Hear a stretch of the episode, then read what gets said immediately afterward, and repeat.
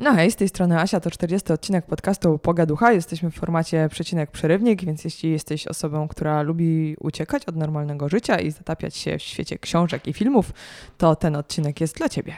Cześć Łukaszu. Cześć Joanno. Co tam? No, myślałem, że będziemy mówić o narkotykach, bo zaczęłaś tak o uciekaniu od rzeczywistości. No możemy rozmawiać o narkotykach, jak chcesz. Możemy, bo mamy nawet taki serial na temat brania narkotyków, więc proszę bardzo. Ja mam też taką książkę w sumie bardziej o sprzedawaniu narkotyków i produkowaniu narkotyków, ale, mhm. ale o braniu, no w sumie o braniu nie.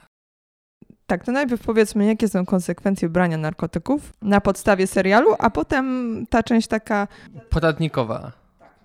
Tak, twoja książka jest poradnikowa biznesowa, a problemem przy takim handlu jest często, że ludzie zaczynają testować produkt to jest normalnie w wielu biznesach bardzo dobre, żeby testować produkt, który jakby oferujemy na rynku, natomiast w tym przypadku nie, bo prowadzi to do takich sytuacji, jak miał Patrick Merlows. Tak to się chyba czyta. Mhm.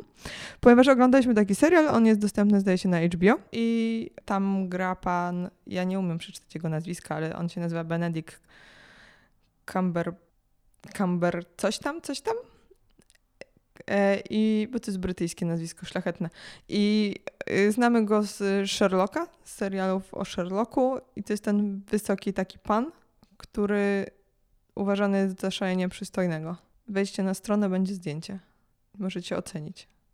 A, tak powstał Facebook. Może teraz powstanie nowy Facebook. Ja zrobię takie, że będzie można ocenić, czy on jest przystojny, czy ładny. I czaisz, jak Facebook powstał, że były zdjęcia lasek i się oceniało. Tak było w filmie. No dobrze, wracając do tematu. To chyba było w filmie pokazane jako po prostu poprzedni projekt tego samego twórcy, ale niekoniecznie chyba. Bo to było. Zupełnie nieistotne, bo to nie jest tematem naszej Nie, zupełnie nie. Więc y, pan Benedikt y, gra i on gra tam mm, człowieka, który y, spożywa narkotyki i alkohol i ma bardzo dużo pieniędzy. I to jest serial, który po prostu różnie z Bojacka Horsemana.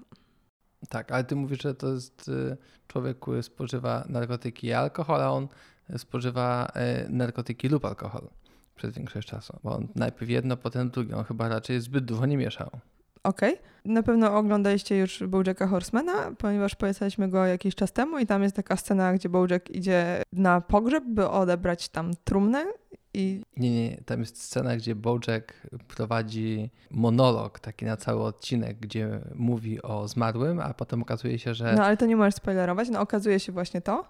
I zupełnie tak samo u Benedykta, czy u, u Patryka który jakby cały film jest zbudowany praktycznie na tym, że e, najpierw... Że jego ojciec był tak naprawdę wilkołakiem. Nie, zbudowany jest na tym, że jego ojciec był złym człowiekiem i teraz jest martwy i to jest zawsze problematyczne, jeśli mamy złego człowieka, który jest martwy i jest naszym rodzicem i nie jesteśmy w stanie się z nim skonfrontować, ale tak naprawdę chyba nie mamy ochoty. No i on sobie nie daje z tym rady i stara się sobie pomóc, a potem też czeka na śmierć swojej matki, z którą też się nie bardzo jest w stanie skonfrontować za życia, ponieważ ona jest w złym stanie i też y, ma do niej dużo żalu. Tak. Jest to taki serial o żalu, jednosezonowy na podstawie powieści, który jest bardzo ładny, bo jeśli ktoś na przykład projektuje mieszkanie i teraz będzie urządzać sobie łazienkę, to w szczególności wtedy polecamy, ponieważ ze wszystkich lokacji mi się najbardziej podobały łazienki. Ale ja trochę żałuję właśnie, że bo początek serialu to są chyba lata 80. Mm, tak mi się daje, że 70 któryś rok. To, to były lata 70. Dobrze, więc może lata 70. Mi się wydawało, że to były lata 80. E, i, I ten serial mi się zdecydowanie najbardziej podoba, kiedy są w tych latach 80. I kiedy tam główny bohater raczej wstrzykuje sobie heroinę, niż, niż jak jest już taki bardziej poukładany i po prostu pije. Mhm. E, więc ja znowu tym razem polecam najbardziej e, pierwsze odcinki, które według mnie mają w sobie trochę więcej takiej tekstury. Mhm. Mm, ale cały serial jest w porządku, jakby no, tą końcówkę też można obejrzeć, ale jeżeli ktoś spodziewałby się po pierwszym odcinku, że całość będzie prowadzona w, na takim poziomie, powiedzmy, nie wiem, intensywności, to według mnie może się rozczarować. Mhm. Ale to jest bardzo ładny serial, ponieważ główny bohater jest bogaty, a bycie bogatym sprawia, że przebywamy w ładnych e, hotelach, ładnych pokojach i takich... ładnych e, ulicach, na których ludzie chcą. No ale przebywasz bardzo krótko na brzydkich ulicach, a potem bierzesz narkotyki w ładnych lokalizacjach z ładnymi oknami i z ładnym oświetleniem. I to jest bardzo przyjemne dla odbiorcy. No okna były bardzo ładne w tym, w tym były, serialu. Były, były. Nie, łazienki też były w porządku, ale, ale tak mówię, no, według mnie naprawdę pierwszy, drugi odcinek, to nawet jeżeli się już przy tym trzecim zniechęcicie, to trudno, zniechęćcie się i nie oglądajcie dalej, ale sam początek y, naprawdę warto zobaczyć, choćby to takich właśnie wizualno-estetycznych y, względów. No i dla dialogów, które chyba w tym, znowu, na samym początku serialu są takie mocniejsze, jest dużo takich może nie one-linerów, ale takich no, krótkich scenek, gdzie tych kilka słów jest wymienianych i, i to wszystko jest tak, no, o, poezji. Jest więcej poezji w pierwszym. Tak mi się wydaje, ale to nie jest tak, że pod koniec serialu jesteśmy zrozpaczeni? Nie, nie, nie. Tak ale... Tak jak to się zdarzyło ostatnio, kiedy odpaliśmy czwarty czy któryś sezon Sherlocka i tak, właśnie przyszliśmy załamanie nerwowe? A, aktorem jakby, ja teraz nie wiem, czy to jest tak, że my źle pamiętaliśmy pierwsze sezony Sherlocka, ale Tutaj to raczej wygląda jak Disney Channel i wszystko jest takie, e, nie zapachy są jak pies szuka, to są rysowane takie cząsteczki na ekranie białą kreską i to wygląda, to już się zestarzało. To, to nawet nie wygląda tak, że ma się szybko zestarzeć, tylko jakby te efekty już teraz wyglądają tandetnie i staro. Mhm. Ale to wygląda tak, jakby ktoś nakręcił jakiś tam serial, według jakiegoś pomysłu, no już trochę gorszego, bo to jest czwarty sezon, a potem jakiś bratanek by go poprosił, ej, a wujek, a jak ty robisz ten serial, to mogę się pobawić w jakimś tam After Effectie, czy w czymkolwiek to się nakłada tak. i on by powiedział, a, a spróbuj. Tak. Czemu nie? W sumie i tak już zarobiliśmy wystarczająco dużo pieniędzy, możesz sobie pogryzdać potem. Tak, bo to tak wygląda. Tam są jakieś takie dziwne, jakieś inne oświetlenie się pojawia. Ale dobrze, to o tym nie mieliśmy mówić. No, no, nie, bo jakby tam to jest takie duże rozczarowanie tym, co się dzieje i to ci psuje zupełnie odbiór w ogóle wszystkiego, bo już właśnie nie pamiętasz tego, że tak. kiedyś nawet to było ładne. A tutaj cały serial oglądamy po prostu wiedząc, że początek jest lepszy, a że koniec jest gorszy. Albo inny, bo ja też nie wiem jakby, czy to jest lepszy, gorszy, ale no, na pewno ten klimat jest, jest zdecydowanie różny e, w pierwszej i drugiej części mhm. tego serialu. A w przypadku Sherlocka jeszcze ja mam taką, taką prośbę, jeżeli ktoś dotrwał do końca tego najlepszego sezonu i tam jest coś niesamowitego, to dajcie nam znać, bo nam się Sherlock podobał. Do czasu, kiedy poszliśmy do kina na tą taką jedną część właśnie, gdzie to było między trzecim a czwartym sezonem. Tam już coś się stało z tym, z tym serialem i teraz ten najnowszy sezon, sezon który chyba jest z zeszłego roku jest dla nas trudny, ale jeżeli tam jest coś naprawdę fajnego, to no, może my, nie wiem, wyłączyliśmy 5 minut przed tym, jak wszystko wróciło do normy. Przed objawieniem i... Tak. E, jak ktoś zabrał tego bratanka od komputera, nie tak. wiem. I może powinniśmy wrócić, bo tak mówię, no, byliśmy fanami tak, bo ja byłam strasznie podekscytowana, jak udało mi się kupić do kina e, na właśnie ten odcinek specjalny, był emitowany w kinach. Ja się cieszyłam, kupiłam bilety, była pełna sala. I ja się cieszyłam przez pierwsze pięć minut oglądania, a potem byłam tak strasznie, było mi przykro, że. I bardzo chcieliśmy wyjść, i akurat nie wyszliśmy, bo nam się ciągle wydawało, że to może jednak gdzieś tam za zakrętem już jest wiosna, Mm-mm. ale tak nie było i do tego teraz musieliśmy wyłączyć e, ten, ten najnowszy sezon. Dobra, to jak już wiemy, że branie narkotyków jest złe i prowadzi do. Ja nie wiem, czy jest jakby no je, nie, no on... Jemu nie wyszło aż tak źle to branie narkotyków. No dobrze, więc jeśli jesteście nieprzyzwoicie, chyba, bogaci. Chyba ten alkohol go bardziej zniszczył. I e, nie musicie w życiu pracować i nie zależy wam na dobrych relacjach z ludźmi aż tak bardzo, to wtedy próbujcie. na własną odpowiedzialność. No, ale jakby w innych okolicznościach raczej nie, a teraz powiedz, jak zrobić biznes z narkotykami. To jest tak, bo ja będę mówił o książce... Przepraszam, ja muszę zmienić kategorię na edukację, chyba jednak w iTunes coś czuję po tym odcinku. Może tak być, może tak być, więc e, to jest książka zatytułowana Narconomics. Nie wiem, czy to będzie jakoś inaczej na polski tłumaczone. E, napisał tą książkę Tom Wainwright, też Brytyjczyk, jeżeli wszystko dobrze zrozumiałem. Podtytuł tej książki y, brzmi tak przewrotnie How to Run a Drug Cartel, czyli jak prowadzić y, kartel narkotykowy, ale tak naprawdę to, to jest taki troszeczkę clickbaitowy tytuł, czytam podtytuł, bo autor próbuje troszeczkę pokazać nam, no po pierwsze jakie są analogie między światem wielkiego biznesu a światem wielkich narkotyków, I trochę też próbuję pokazać, y, dlaczego authorities, tak, rządy, jakieś agencje, które zajmują się walką z narkotykami, może powinny przemyśleć tą swoją politykę wojny z narkotykami i pomyśleć o rynku narkotyków, o tym, że narkotyki to jest też biznes i że może udałoby się w inny sposób go zachwiać. E, że można to prowadzić może do jakiejś plajty tych, tych, tych karteli i niekoniecznie w ten sposób, że będziemy, nie wiem, bombardować pola gdzieś w, w Kolumbii, a, na których biedni rolnicy uprawiają e, krasnodrzew pospolity, mhm. który też e, zwany jest krzewem kokainowym, bo oni tak naprawdę są w podobnej sytuacji, w jakiej pewni dostawcy w relacji z Amazonem. Czyli to Amazon dyktuje cenę sprzedaży, bo jest takim jakby monopolistą jako, jako kupujący, tak samo jak kartele są takim monopolistą jako kupujący i ci rolnicy, którzy stracą te pola, no to tylko na nich się to źle odbije, bo oni będą musieli potem czy sprzedać ten towar jakoś taniej, czy będą musieli po prostu przyjąć na siebie tą stratę a dla samego kartelu nie jest to, nie jest to jakaś duża różnica albo nie jest to żadna różnica. Więc tego typu jakieś e, analogie, pokazanie dlaczego niektóre gangi, szczególnie właśnie takie mocno związane z kartelami, e, tatuują swoich tych food soldierów, tych takich niskiego szczebla żołnierzy tych gangów, dlaczego oni się tatuują od e, czubka głów do pięt, bo y, okazuje się, że chodzi o to, żeby oni nie przeszli do konkurencji, bo jeżeli mamy, nie wiem, spójrzmy na to ze strony takiej kibolskiej powiedzmy, jeżeli ktoś miałby wytatuowane wszędzie Arka Gdynia, to raczej ciężko, żeby nagle w przyszłym sezonie przeszedł do grupy fanów Lechii Gdański, żeby razem z nimi mógł coś nadrobić, kiedy ma na czole wytatuowane Arka Gdynia. No już wiem, jak Biedronka może rozwiązać problem tego, że elit podnosi wynagrodzenia i że ludzie przychodzą do Lidla i, i co, jest... będziesz na kasie w Lidlu siedzieć wytatuowane w Biedronki? I to jest jakiś pomysł, bardzo mi się to podoba.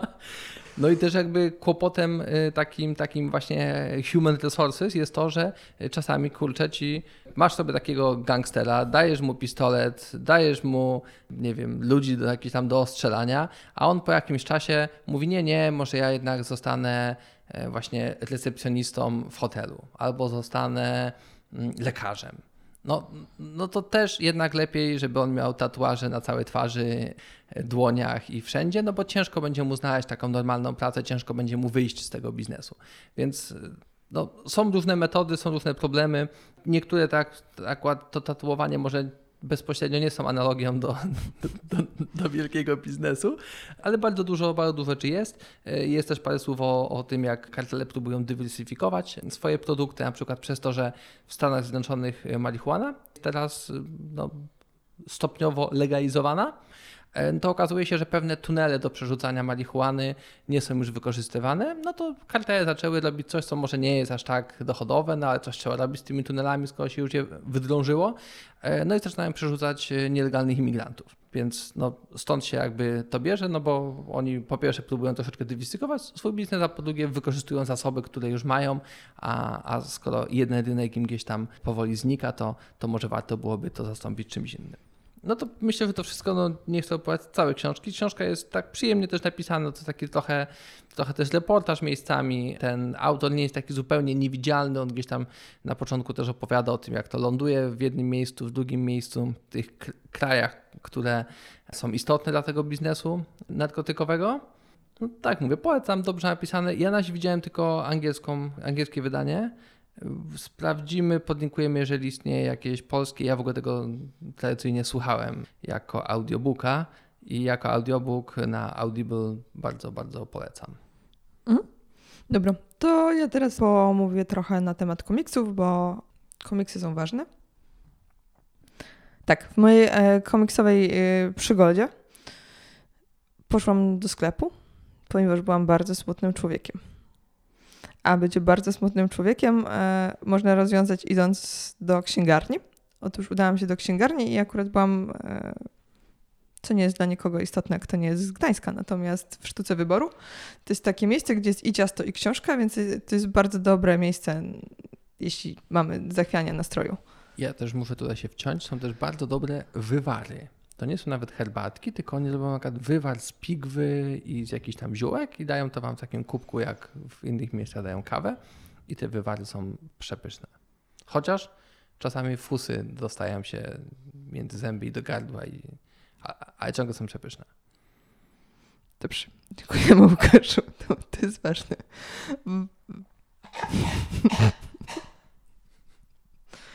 e, otóż, i, i tam okazało się, że nie dość, że są komiksy, to jest e, komiks na podstawie wywiadu. To jest komiksowy wywiad z panem Pablo Pablo, który napisał mikrotyki, ponieważ ma też normalne imię i nazwisko i pod tym normalnym imieniem i nazwiskiem napisał książkę. Ja tę książkę bardzo lubię. E, I pomyślałam sobie, że to szalenie interesujący taki wywiad komiksowy, aby się z nim zapoznać. No więc y, zakupiłam. No ale to był bardzo ciężki dzień, więc zobaczyłam, że mm, tą, tą książką ilustrował e, pan, który się nazywa. Kuźwa, nie wiem. Ty, przepisywałam to. Dobrze, więc y, książką y, ten komiks narysował pan Marcin Podolec. No i ja sobie zobaczyłam, o, ładnie rysuje pan Marcin. Pomyślałam sobie, być może pan Marcin narysował coś jeszcze. I się okazało, że a i owszem. I on narysował też drugi komiks i ten drugi komiks nazywa się Morze po kolana. I teraz, komiks wywiad. A to jest może przez RZ czy przez rzec.com? To jest przez RZ. Okej. Okay. To jest takie, że czyli, słyszysz szum Czyli nie fal. chodzi o to, że na przykład może... Że może taka, może nie, nie. Może po kolana, a może pod Popas. Nie, to nie jest to morze, to jest takie e, morze szumiące. Morze nadmorskie. Przy, nie, nadplażowe. Jeśli morze jest przy plaży, jest przy morzu, to może jest przy plaży? Tak. Okej. Okay. Wracając do tematu pan Pablo Pablo i jego historia jest ok, ale to nie było coś, co mnie totalnie zachwyciło. Jest interesująca jako forma zapisania właśnie czyjejś jakiejś rozmowy pod postacią ilustracji, natomiast szału nie ma. A drugi komiks jest na podstawie książki Bardzo martwy sezon. I to są takie reportaże naoczne, tak się nazywa książka. Bardzo martwy sezon, reportaże naoczne. I tą książkę napisał pan Marcin Kołodziejczyk. Jest bardzo dużo Marcinów w tej historii. I to jest bardzo dobry komiks. To jest epicki komiks. To jest komiks, który mówi o ludziach, którzy siedzą w nadmorskiej miejscowości po sezonie w wiacie autobusowej, ponieważ tak się spędza czas e, w nadmorskich miejscowościach e, po sezonie. I to jest tak dobrze napisane. Tam są takie ładne zdania. To jest cała esencja po prostu wszystkiego, co jest w tym reportażu, wyjęta i wsadzona w komiks i ja nawet sobie zamówiłam ten reportaż, bardzo martwy sezon, ale w porównaniu z komiksem, no to nie ma sensu. Znaczy ten komiks jest tak dobry i tak esencjonalny i tak ładnie narysowany i tak się wczuwasz w tą historię tych ludzi mieszkających w tych wiacie, znaczy mieszkających, przesiadujących i czujesz tą klaustrofobię i to, że oni próbują wyjechać, ale to wyjeżdżanie, ono się nie udaje i ty sobie myślisz, kurde, już też nie dam rady wyjechać z tej miejscowości, już, już też siedzę w tej wiacie i moje życie już nie ma sensu. Ale przynajmniej są piękne zdania. To, to, Bardzo to jest dobre. To, to piękna reklama. Piękna reklama, że tak można poczuć taki bezsens. Tak no ten zapach moczu, jak zawiewa wiatrem. Tak, no bo w końcu zawiatą y, oddaje się mocz. Tak, i po prostu niedopałki petu. To, to, to jest taki mikrokosmos w, w tej wiacie. Mm. We wiacie. To jest bardzo dobra rzecz. To czy uwierzcie mi, bo ciężko powiedzieć coś więcej. E, musiałabym wam po prostu przeczytać kilka zdań, a wam nie przeczytam, bo e, musicie sobie pójść kupić i sobie przeczytać. Jakby nie będę wam czytać. Nie mam praw do czytania tego. Za mało tam jest tekstu, żeby się nim dzielić na prawo i lewo. Bardzo dobra to jest rzecz. E, to, to tyle. To poczułam się w tej wiacie, że nie będę nagrywać podcastu, bo to nie ma sensu. Mi za to udało się ostatnio w sobotę wyjechać.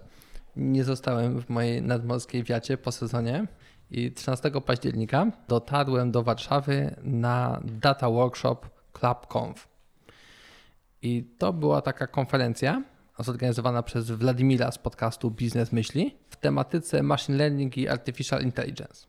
To jest coś, co od dawna interesuje mnie w jakiś taki hobbystyczny sposób i zastanawiałem się też, czy będę w stanie jakoś przekuć niedługo to, to moje hobby może w słowo kariera jest takie dziwne zawsze, ale niech będzie w, w pracy wiem, zarobkową. W pracy zarobkową, w, w zawód. O. może, może zawód jakiś wreszcie, jak w sądzie będzie mnie pani pytała, jaki jest mój zawód, to będę mówił, że jestem, nie wiem, machine learningowcem albo machine learningistą, jak maszynistą. Ja mam zawód. Albo na przykład, tak? Hmm? Bo ja niestety raczej średnio. Jestem kosmetyczką. Jesteś kosmetyczką. No to w mhm. porządku. No i ja też może wreszcie dołączyłbym do tego szacownego mian, e, do tego szacownego grona ludzi uzawodowionych. Mhm. Okej, okay, ale wracając, więc, więc byłem sobie na, tym, na, tym, na, na, tej konferencji i mówię o tym głównie dlatego, że będzie druga edycja. Nie wiem jeszcze kiedy, ale już ją bardzo polecam, bo pierwsza edycja okazała się być y, najlepszą konferencją, na jakiej jak na razie w moim nie aż tak długim życiu byłem. I to od strony takiej organizacyjnej, czyli no jak to wszystko gdzieś tam fizycznie, ten budynek, nie wiem, przekąski, przerwa kawowa, to nawet te pierdoły się zgadzały. I to było naprawdę fajnie zrobione. Organizatorzy bardzo dobrze pilnowali czasu, co, co lubię i szanuję, bo męczy mnie, kiedy przerwy robią się zbyt krótkie, albo kiedy jeden prelegent mówi zbyt długo i drugi musi mówić krócej i coś ciekawego gdzieś tam nam umyka.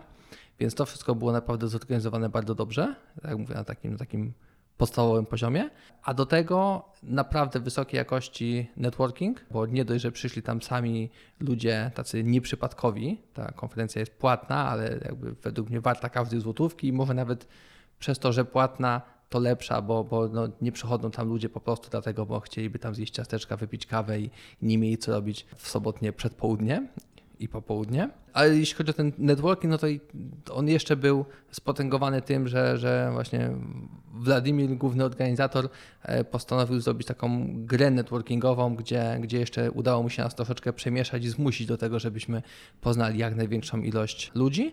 I myślę, że to była dla mnie najwyższa wartość tej konferencji. Oczywiście prelekcje, tak, tak wspominałem, też były świetne, zresztą są w tej chwili ciągle e, dostępne chyba do kupienia dostęp online, co też, też polecam, jeżeli ktoś w tym temacie ML i, i, i AI e, chciałby się rozejrzeć, to te, to, to, te prelekcje też są, też są interesujące. Myślę, czy coś jeszcze chciałem powiedzieć. W sumie, kurczę, nie.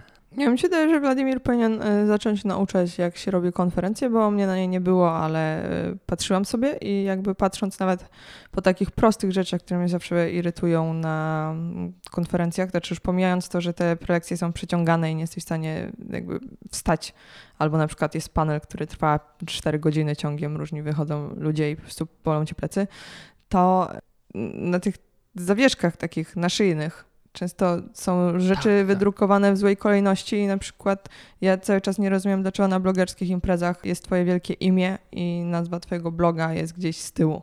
A jakby wszystkich znasz, często nawet nie z twarzy, nie z nazwiska, tylko z nazwy bloga, więc moim zdaniem rozsądnie byłoby walnąć wielki napis z nazwą bloga i gdzieś obok jak się nazywam, gdyby to kogoś zainteresowało. No i jakby to jest taki super banał, który uniemożliwia, utrudnia ci networking, bo nie wiesz z kim rozmawiasz Oczywiście. i musisz y, brać tą jego plakietkę do ręki i przykładać lupę i patrzeć, co on tam pisze. No i Władimir udało mu się to ogarnąć. Udało mu się to ogarnąć tak, żeby jeszcze można było spersonalizować swoje plakietki. Tak, bo każdy z uczestników i, i z prelegentów też dostał do tej plakietki taką, taki zestaw naklejek. Na tych naklejkach były różnymi kolorami, takie zakodowane, no nie wiem, no, były różne rzeczy, którymi się interesujemy albo po które przyjechaliśmy na tę konferencję.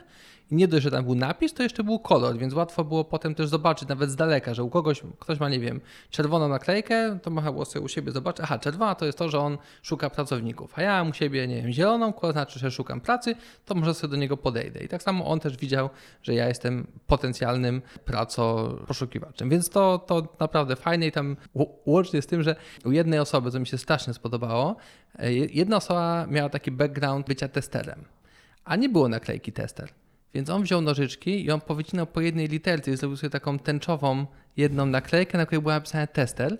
I to też było o tyle fajne, że, że no, ludzie naprawdę zwracali na to uwagę, bo on tak no, udało mi się zdecydowanie wykazać kreatywnością. Ale tak, więc były te plakietki, na tych plakietkach też z tyłu był cały plan konferencji z tym, w której sali, w której, o której godzinie, kto i na jaki temat y, będzie mówił, więc to też było super. W każdej chwili, jak się zastanawiałem co i jak, to po prostu sobie to brałem z, z szyi i sobie na to patrzyłem.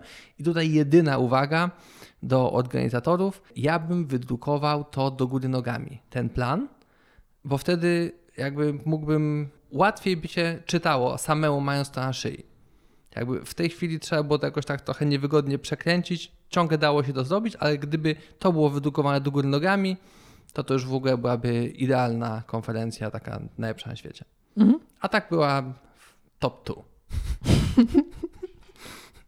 Ale dobra, udało się do czegoś przywalić, nie? Bo już się bałam. Nie, nie, właściwie tak, tak, tak siedziałem, teraz siedziałem i tak tutaj kadziliśmy, ale, ale tak, no jednak, no... no, no. Do dupy, nie? Tak, tak. Gdyby no. to jednak było do góry nogami, to byłoby lepiej. No. no dobra, no to temat mamy ze sobą i teraz mamy jeszcze książkę, potem będziemy mieli, ale mamy serial, bardzo poważny serial. Jak jest po polsku dokumentar? Uuu. Dobre pytanie. To jest dokument. Wiem, film pseudodokumentalny. Komedio-dokument? Mokumentar. Trudno powiedzieć, ale tym właśnie jest serial, o którym mówimy. Otóż American Vandal miał swój pierwszy sezon już jakiś czas temu na Netflixie. To jest. Znaczy, to nie jest coś takiego, co musicie zobaczyć, nie? To czy, żebyśmy mieli jasność, nie musicie i pewnie część z Was nie chce, natomiast jest to w takiej formie właśnie dokumentu. Sprawa wygląda tak, że pan Dylan Maxwell w liceum został oskarżony o porysowanie 27 samochodów. Otóż na tych samochodach zostały narysowane penisy i jakby on został obciążony winą i wydalony ze szkoły. Ja muszę mhm. przerwać. E, Wikipedia podpowiada słowo mokument. Jest po polsku. Tak, pisane przez CK. Mockument. Dokument. Gatunek filmowy i telewizyjny. Fikcja udająca film dokumentalny, często przyjmująca formę satyry lub parodii. Powtarzająca okay. Wikipedia. Więc tak to wygląda. No i uczeń drugiej klasy postanawia jednak, e, ponieważ ma wątpliwości, czy to faktycznie Dylan się tego czynu dopuścił, wszcząć dochodzenie. No i chodzi się z kamerą i, i szuka sobie tego rozwiązania. Okazuje się, że Dylan jest kretynem, ale jakby samo bycie kretynem nie jest obciążające w kwestii rysowania fiutów. No i staramy się dowiedzieć czegoś więcej, no, przez kilka odcinków. A teraz wyszedł drugi sezon. I to jest dosyć fajnie rozegrane, ponieważ drugi sezon zdecydowanie jest lepiej nagrany, ponieważ pierwszy sezon był dosyć dużym sukcesem. Więc są zdecydowanie lepsze kamery, to jest y, wszystko lepiej ogarnięte, ujęcia są też lepsze, wszystko jest lepsze. Ale oni też chyba na początku mówią o tym, że to, co się pojawiło na Netflixie...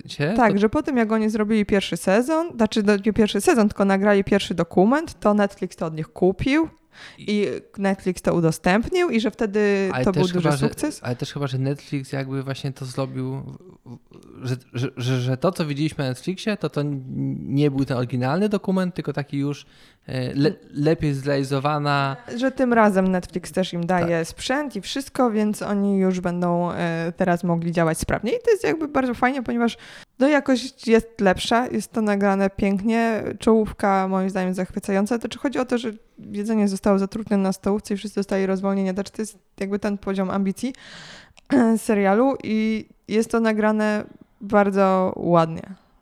Tak. Więc warto sobie zobaczyć czołówkę i zadecydować, czy to jest to, czego oczekujemy od życia. Mamy tutaj taką już bardziej złożoną tak naprawdę intrygę niż tak. w przypadku pierwszego sezonu.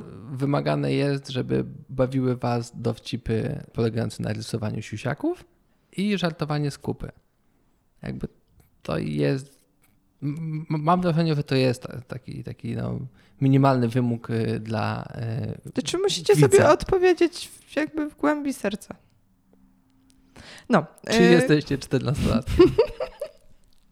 Bardzo. I my tak. Nie, mnie to aż tak nie bawiło, bo ja to oglądam głównie ze względów na moje aktualne zainteresowanie filmografią, kinematografią i tworzeniem filmów. I ja patrzyłam na to, jeśli chodzi o kadry, o muzykę, o sposób montażu. A ja głównie na metodę rysowania e, siusiaka, zwanego w niektórych środowiskach chłopkiem. W jakich środowiskach? I, i zresztą e, w samym e, jakby serialu. Była też dyskusja na temat tego, czy właśnie ten, ten główny podejrzany, że on jednak rysuje tego chłopka y, na taki swój specyficzny sposób, a na samochodach tam była inna, inna, no inna, no inna kreska, nie? No, inna to... kreska, inną rękę było widać jednak. Mhm. Czy ja widzę, że 40 odcinek i jakby tutaj osiągam wyżyny moich możliwości. O. Jestem się dumna. Dobrze, przejdźmy do książek.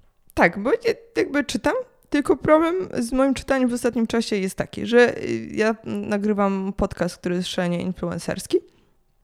E, omawiam w nim różne rzeczy i mam też gości i oni też są influencerami, oni też mówią o książkach. No więc ja te książki czytam, ponieważ goście przynoszą informacje o ciekawych tytułach. No ale nie będę wam znowu opowiadać o tych samych książkach, bo to by było totalnie bez sensu. Mm, więc y, chciałam, żebyście wiedzieli, że ja czytam, ale wam nie opowiem. Natomiast y, znalazłam coś super, ponieważ y, w roku 2015 ukazała się książka Jak przestałem kochać design. I to jest książka pana Marcina Wichy. A potem w roku 2017, czyli całkiem niedawno, ukazała się jego druga książka, znaczy to jest chyba jego trzecia książka, no ale druga książka, którą czytałam, Rzeczy, których nie wyrzuciłem. I obydwie książki są dość podobne, przy czym wydaje mi się, że ta druga książka, ta nowsza, jest y, jednak lepsza, ponieważ tutaj kilka rzeczy zostało. Mm, po prostu, po prostu jest lepsza. No nie wiem dlaczego. Y, ale tak, takie mam mm, wrażenie. Otóż pan Marcin Wicha jest grafikiem, y, robi sobie plakaty, robi okładki, takimi rzeczami się zajmuje i on pochodzi z domu, w którym mm, ojciec był architektem.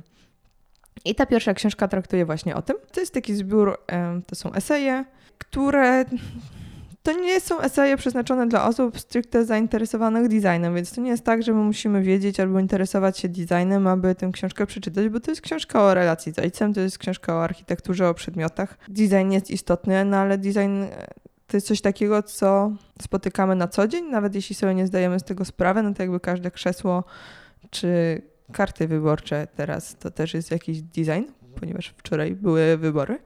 Więc nie jesteśmy w stanie uciec przed designem. I tak samo tutaj mamy taki esej na temat wybór e, urny dla ojca. Co jest dosyć kłopotliwe, jeśli jesteśmy wrażliwi na piękno i nasz ojciec też był wrażliwy na piękno i potem mamy taki wybór, e, jaki mamy.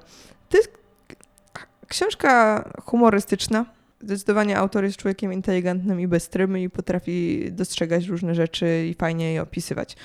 Jeśli chcecie się zdecydować na jedną, to to, to tę drugą. Ta druga powstała po śmierci matki i ona traktuje właśnie o rzeczach, których autor nie wyrzucił po śmierci matki, czyli takie różne eseje na temat tego, co w tym domu było, przyplatane anegdotami.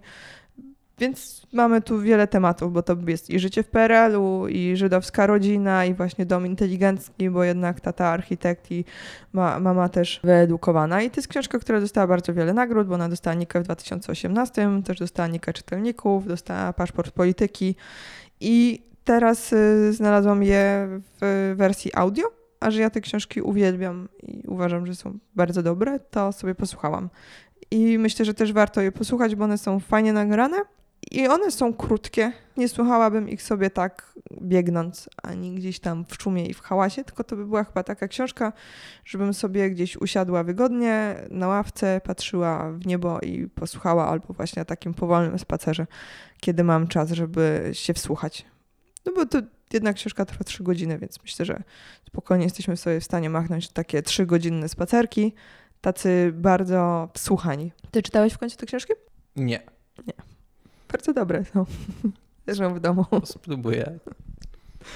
Nie, niestety ostatnio z czytaniem to no, słucham niektórych rzeczy, a że nie mam dostępu do wszystkich Twoich rzeczy do słuchania, no to nie udaje mi się ich wysłuchać. Mhm. No mogę Ci opowiadać. Tak, bo niestety jakby tutaj ja, ja, ja się poskarżę, ale świat audiobooków ma tą dużą wadę, że ciężko się często je pożycza. Nie, jakoś można. Ale nie jest to takie oczywiste. Jak z książką papierową, którą komuś dajesz i on ci nigdy nie zwraca. Mm, dobra. Coś miałam słuchaczom powiedzieć, ale miałam coś strasznie ważnego, że mają do mnie napisać jak coś, ale nie pamiętam co. No nieważne, przypomnę sobie y, przy następnym odcinku. Tymczasem prośba moja jest taka, że robię fajny, duży projekt i muszę udowodnić ludziom, że ten fajny, duży projekt jest wart inwestowania czasu i innych środków. Będzie mi łatwiej, jeśli Wam się podoba podcast i napiszecie o tym w internecie albo dacie ocenę w iTunes, to wtedy ci ludzie chętniej inwestują w mój projekt swój czas i swoje zasoby. A myślę, że to może być coś fajnego, więc jeśli macie taką ochotę, to będzie mi bardzo miło, jeśli zostawicie ocenę, a my się słyszymy za tydzień, e, kim zostanę, jak dorosnę. Potem się słyszymy znowu w przecinku, przerywniku. I tak do końca moich dni. Papa. Papa. Nie. Wróć. Musisz to potem prze- przenosić. Nie. Zróbmy takie papa i wyjdzie trochę na to, że jesteśmy tacy e, gapowaci. Okej. Ale przynajmniej słuchaczom będzie łatwiej się z nami identyfikować. Dobra, zapomniałam, że ja Wam polecam podcasty. Więc y, polecam Wam podcast i to jest podcast nowy i on ma mało odcinków, ale warto y, dać mu szansę, ponieważ ja bardzo szanuję projekty, które są lepiej przygotowane niż mój od samego początku i są przemyślane od samego początku. Mm, I to jest taki podcast właśnie do początku. Y, Nagrywany przez dwóch panów, y, pana Michała Kasprzyka i Krzysztofa Nowaka. A to tak, ja też bardzo polecam. Słuchałem tego o okularach przeciwsłonecznych. Tak. To ich słuchasz, a mnie nie zawsze słuchasz. No bo ciebie zwykle słyszę. No dobra, jakby rozwią- No rozwiążemy to później, ale y, oni mają te, takie też dwa gatunki. Słyszałam, że to popularne, żeby tak mieszać. Co oni też tak robią, więc robią sobie taki odcinek podcast, czyli taki pełnometrażowy, gdzie jest ich dwójka, jedna osoba przedstawia drugiej informacje na temat początków czegoś. I stąd się, rozumiecie, wziął ten ty- tytuł do początku. Ponieważ właśnie y, na przykład o okularach. O okularach to akurat był ekspresem, nie? Czyli taki jeden pan mówił Nie, szybko. nie, nie. A okular był długi, a ekspresem Aha. był. Coś innego. A teraz wyszło, jak ja słucham, Też że nie coś. pamiętam. No dobrze, pierwszy odcinek w ogóle był taki mm, na temat podcastów, początku podcastów. I tam właśnie był jeden i drugi. Jeden się przygotowuje i drugi opowiada, a drugi zadaje mu pytania, więc y, jest fajnie, bo jeśli nawet ktoś coś zamota i nie do końca jasno powie, to jakby druga osoba go tak spionizuje. Pop-upy Mhm. o tych wyskakujących reklamach. Aha. Był taki krótki i teraz widzę, że jest jakiś kolejny, Jest. świeżutki. Dzisiaj rano wyszedł. Wczorajszy. Znaczy wcz- Wczoraj. wczoraj. Jakkolwiek. Tak. No bo też jakby pierwszy to był o podcastach. Też fajnie, bo był taki Jest to fajnie... met, me, meta podcast. Tak, y, fajnie jest to ogarnięte, y, o okularach jest spoko, ekspresy są spoko, polecam, obczajcie i dajcie chłopakom znać, jak wam się podoba, bo to będzie dla nich miłe, jak im dacie znać, bo są nowi w podcastach. Tak, ale ja też bardzo lubię za to, że jest taki profesjonalny i że nie wygląda to jak po prostu, że dwie osoby usiadły tak my teraz i po prostu sobie gadają i gubią się w swoim planie podcastu, Mhm. tylko naprawdę mają do tego jakiś scenariusz, wiedzą, jakby dzielą to na jakieś tam części, że tam jest Mhm. kawałek, potem przerwa, potem drugi kawałek. Super, nie? Ludzie potrafią być tacy profesjonalni. Tak, kudos y, dla panów. Mhm. Ciekawe, jak kto im to robi. No bo co, tak sami to robią profesjonalnie? Tak się Na nie pewno da. mają bogatych rodziców. Pewnie Soros. Ja, ja kiedyś w podstawówce to miałem takiego kolegę, co mu zawsze na technikę tata robił te wszystkie prace i zawsze były najlepsze. No ale czyj tata to robi? Nie wiem. No dobra, zostawmy ten temat. Ale jeżeli ktoś wie, to dajcie nam znać. To Papa, może mi też zrobić. mam to wrzucić?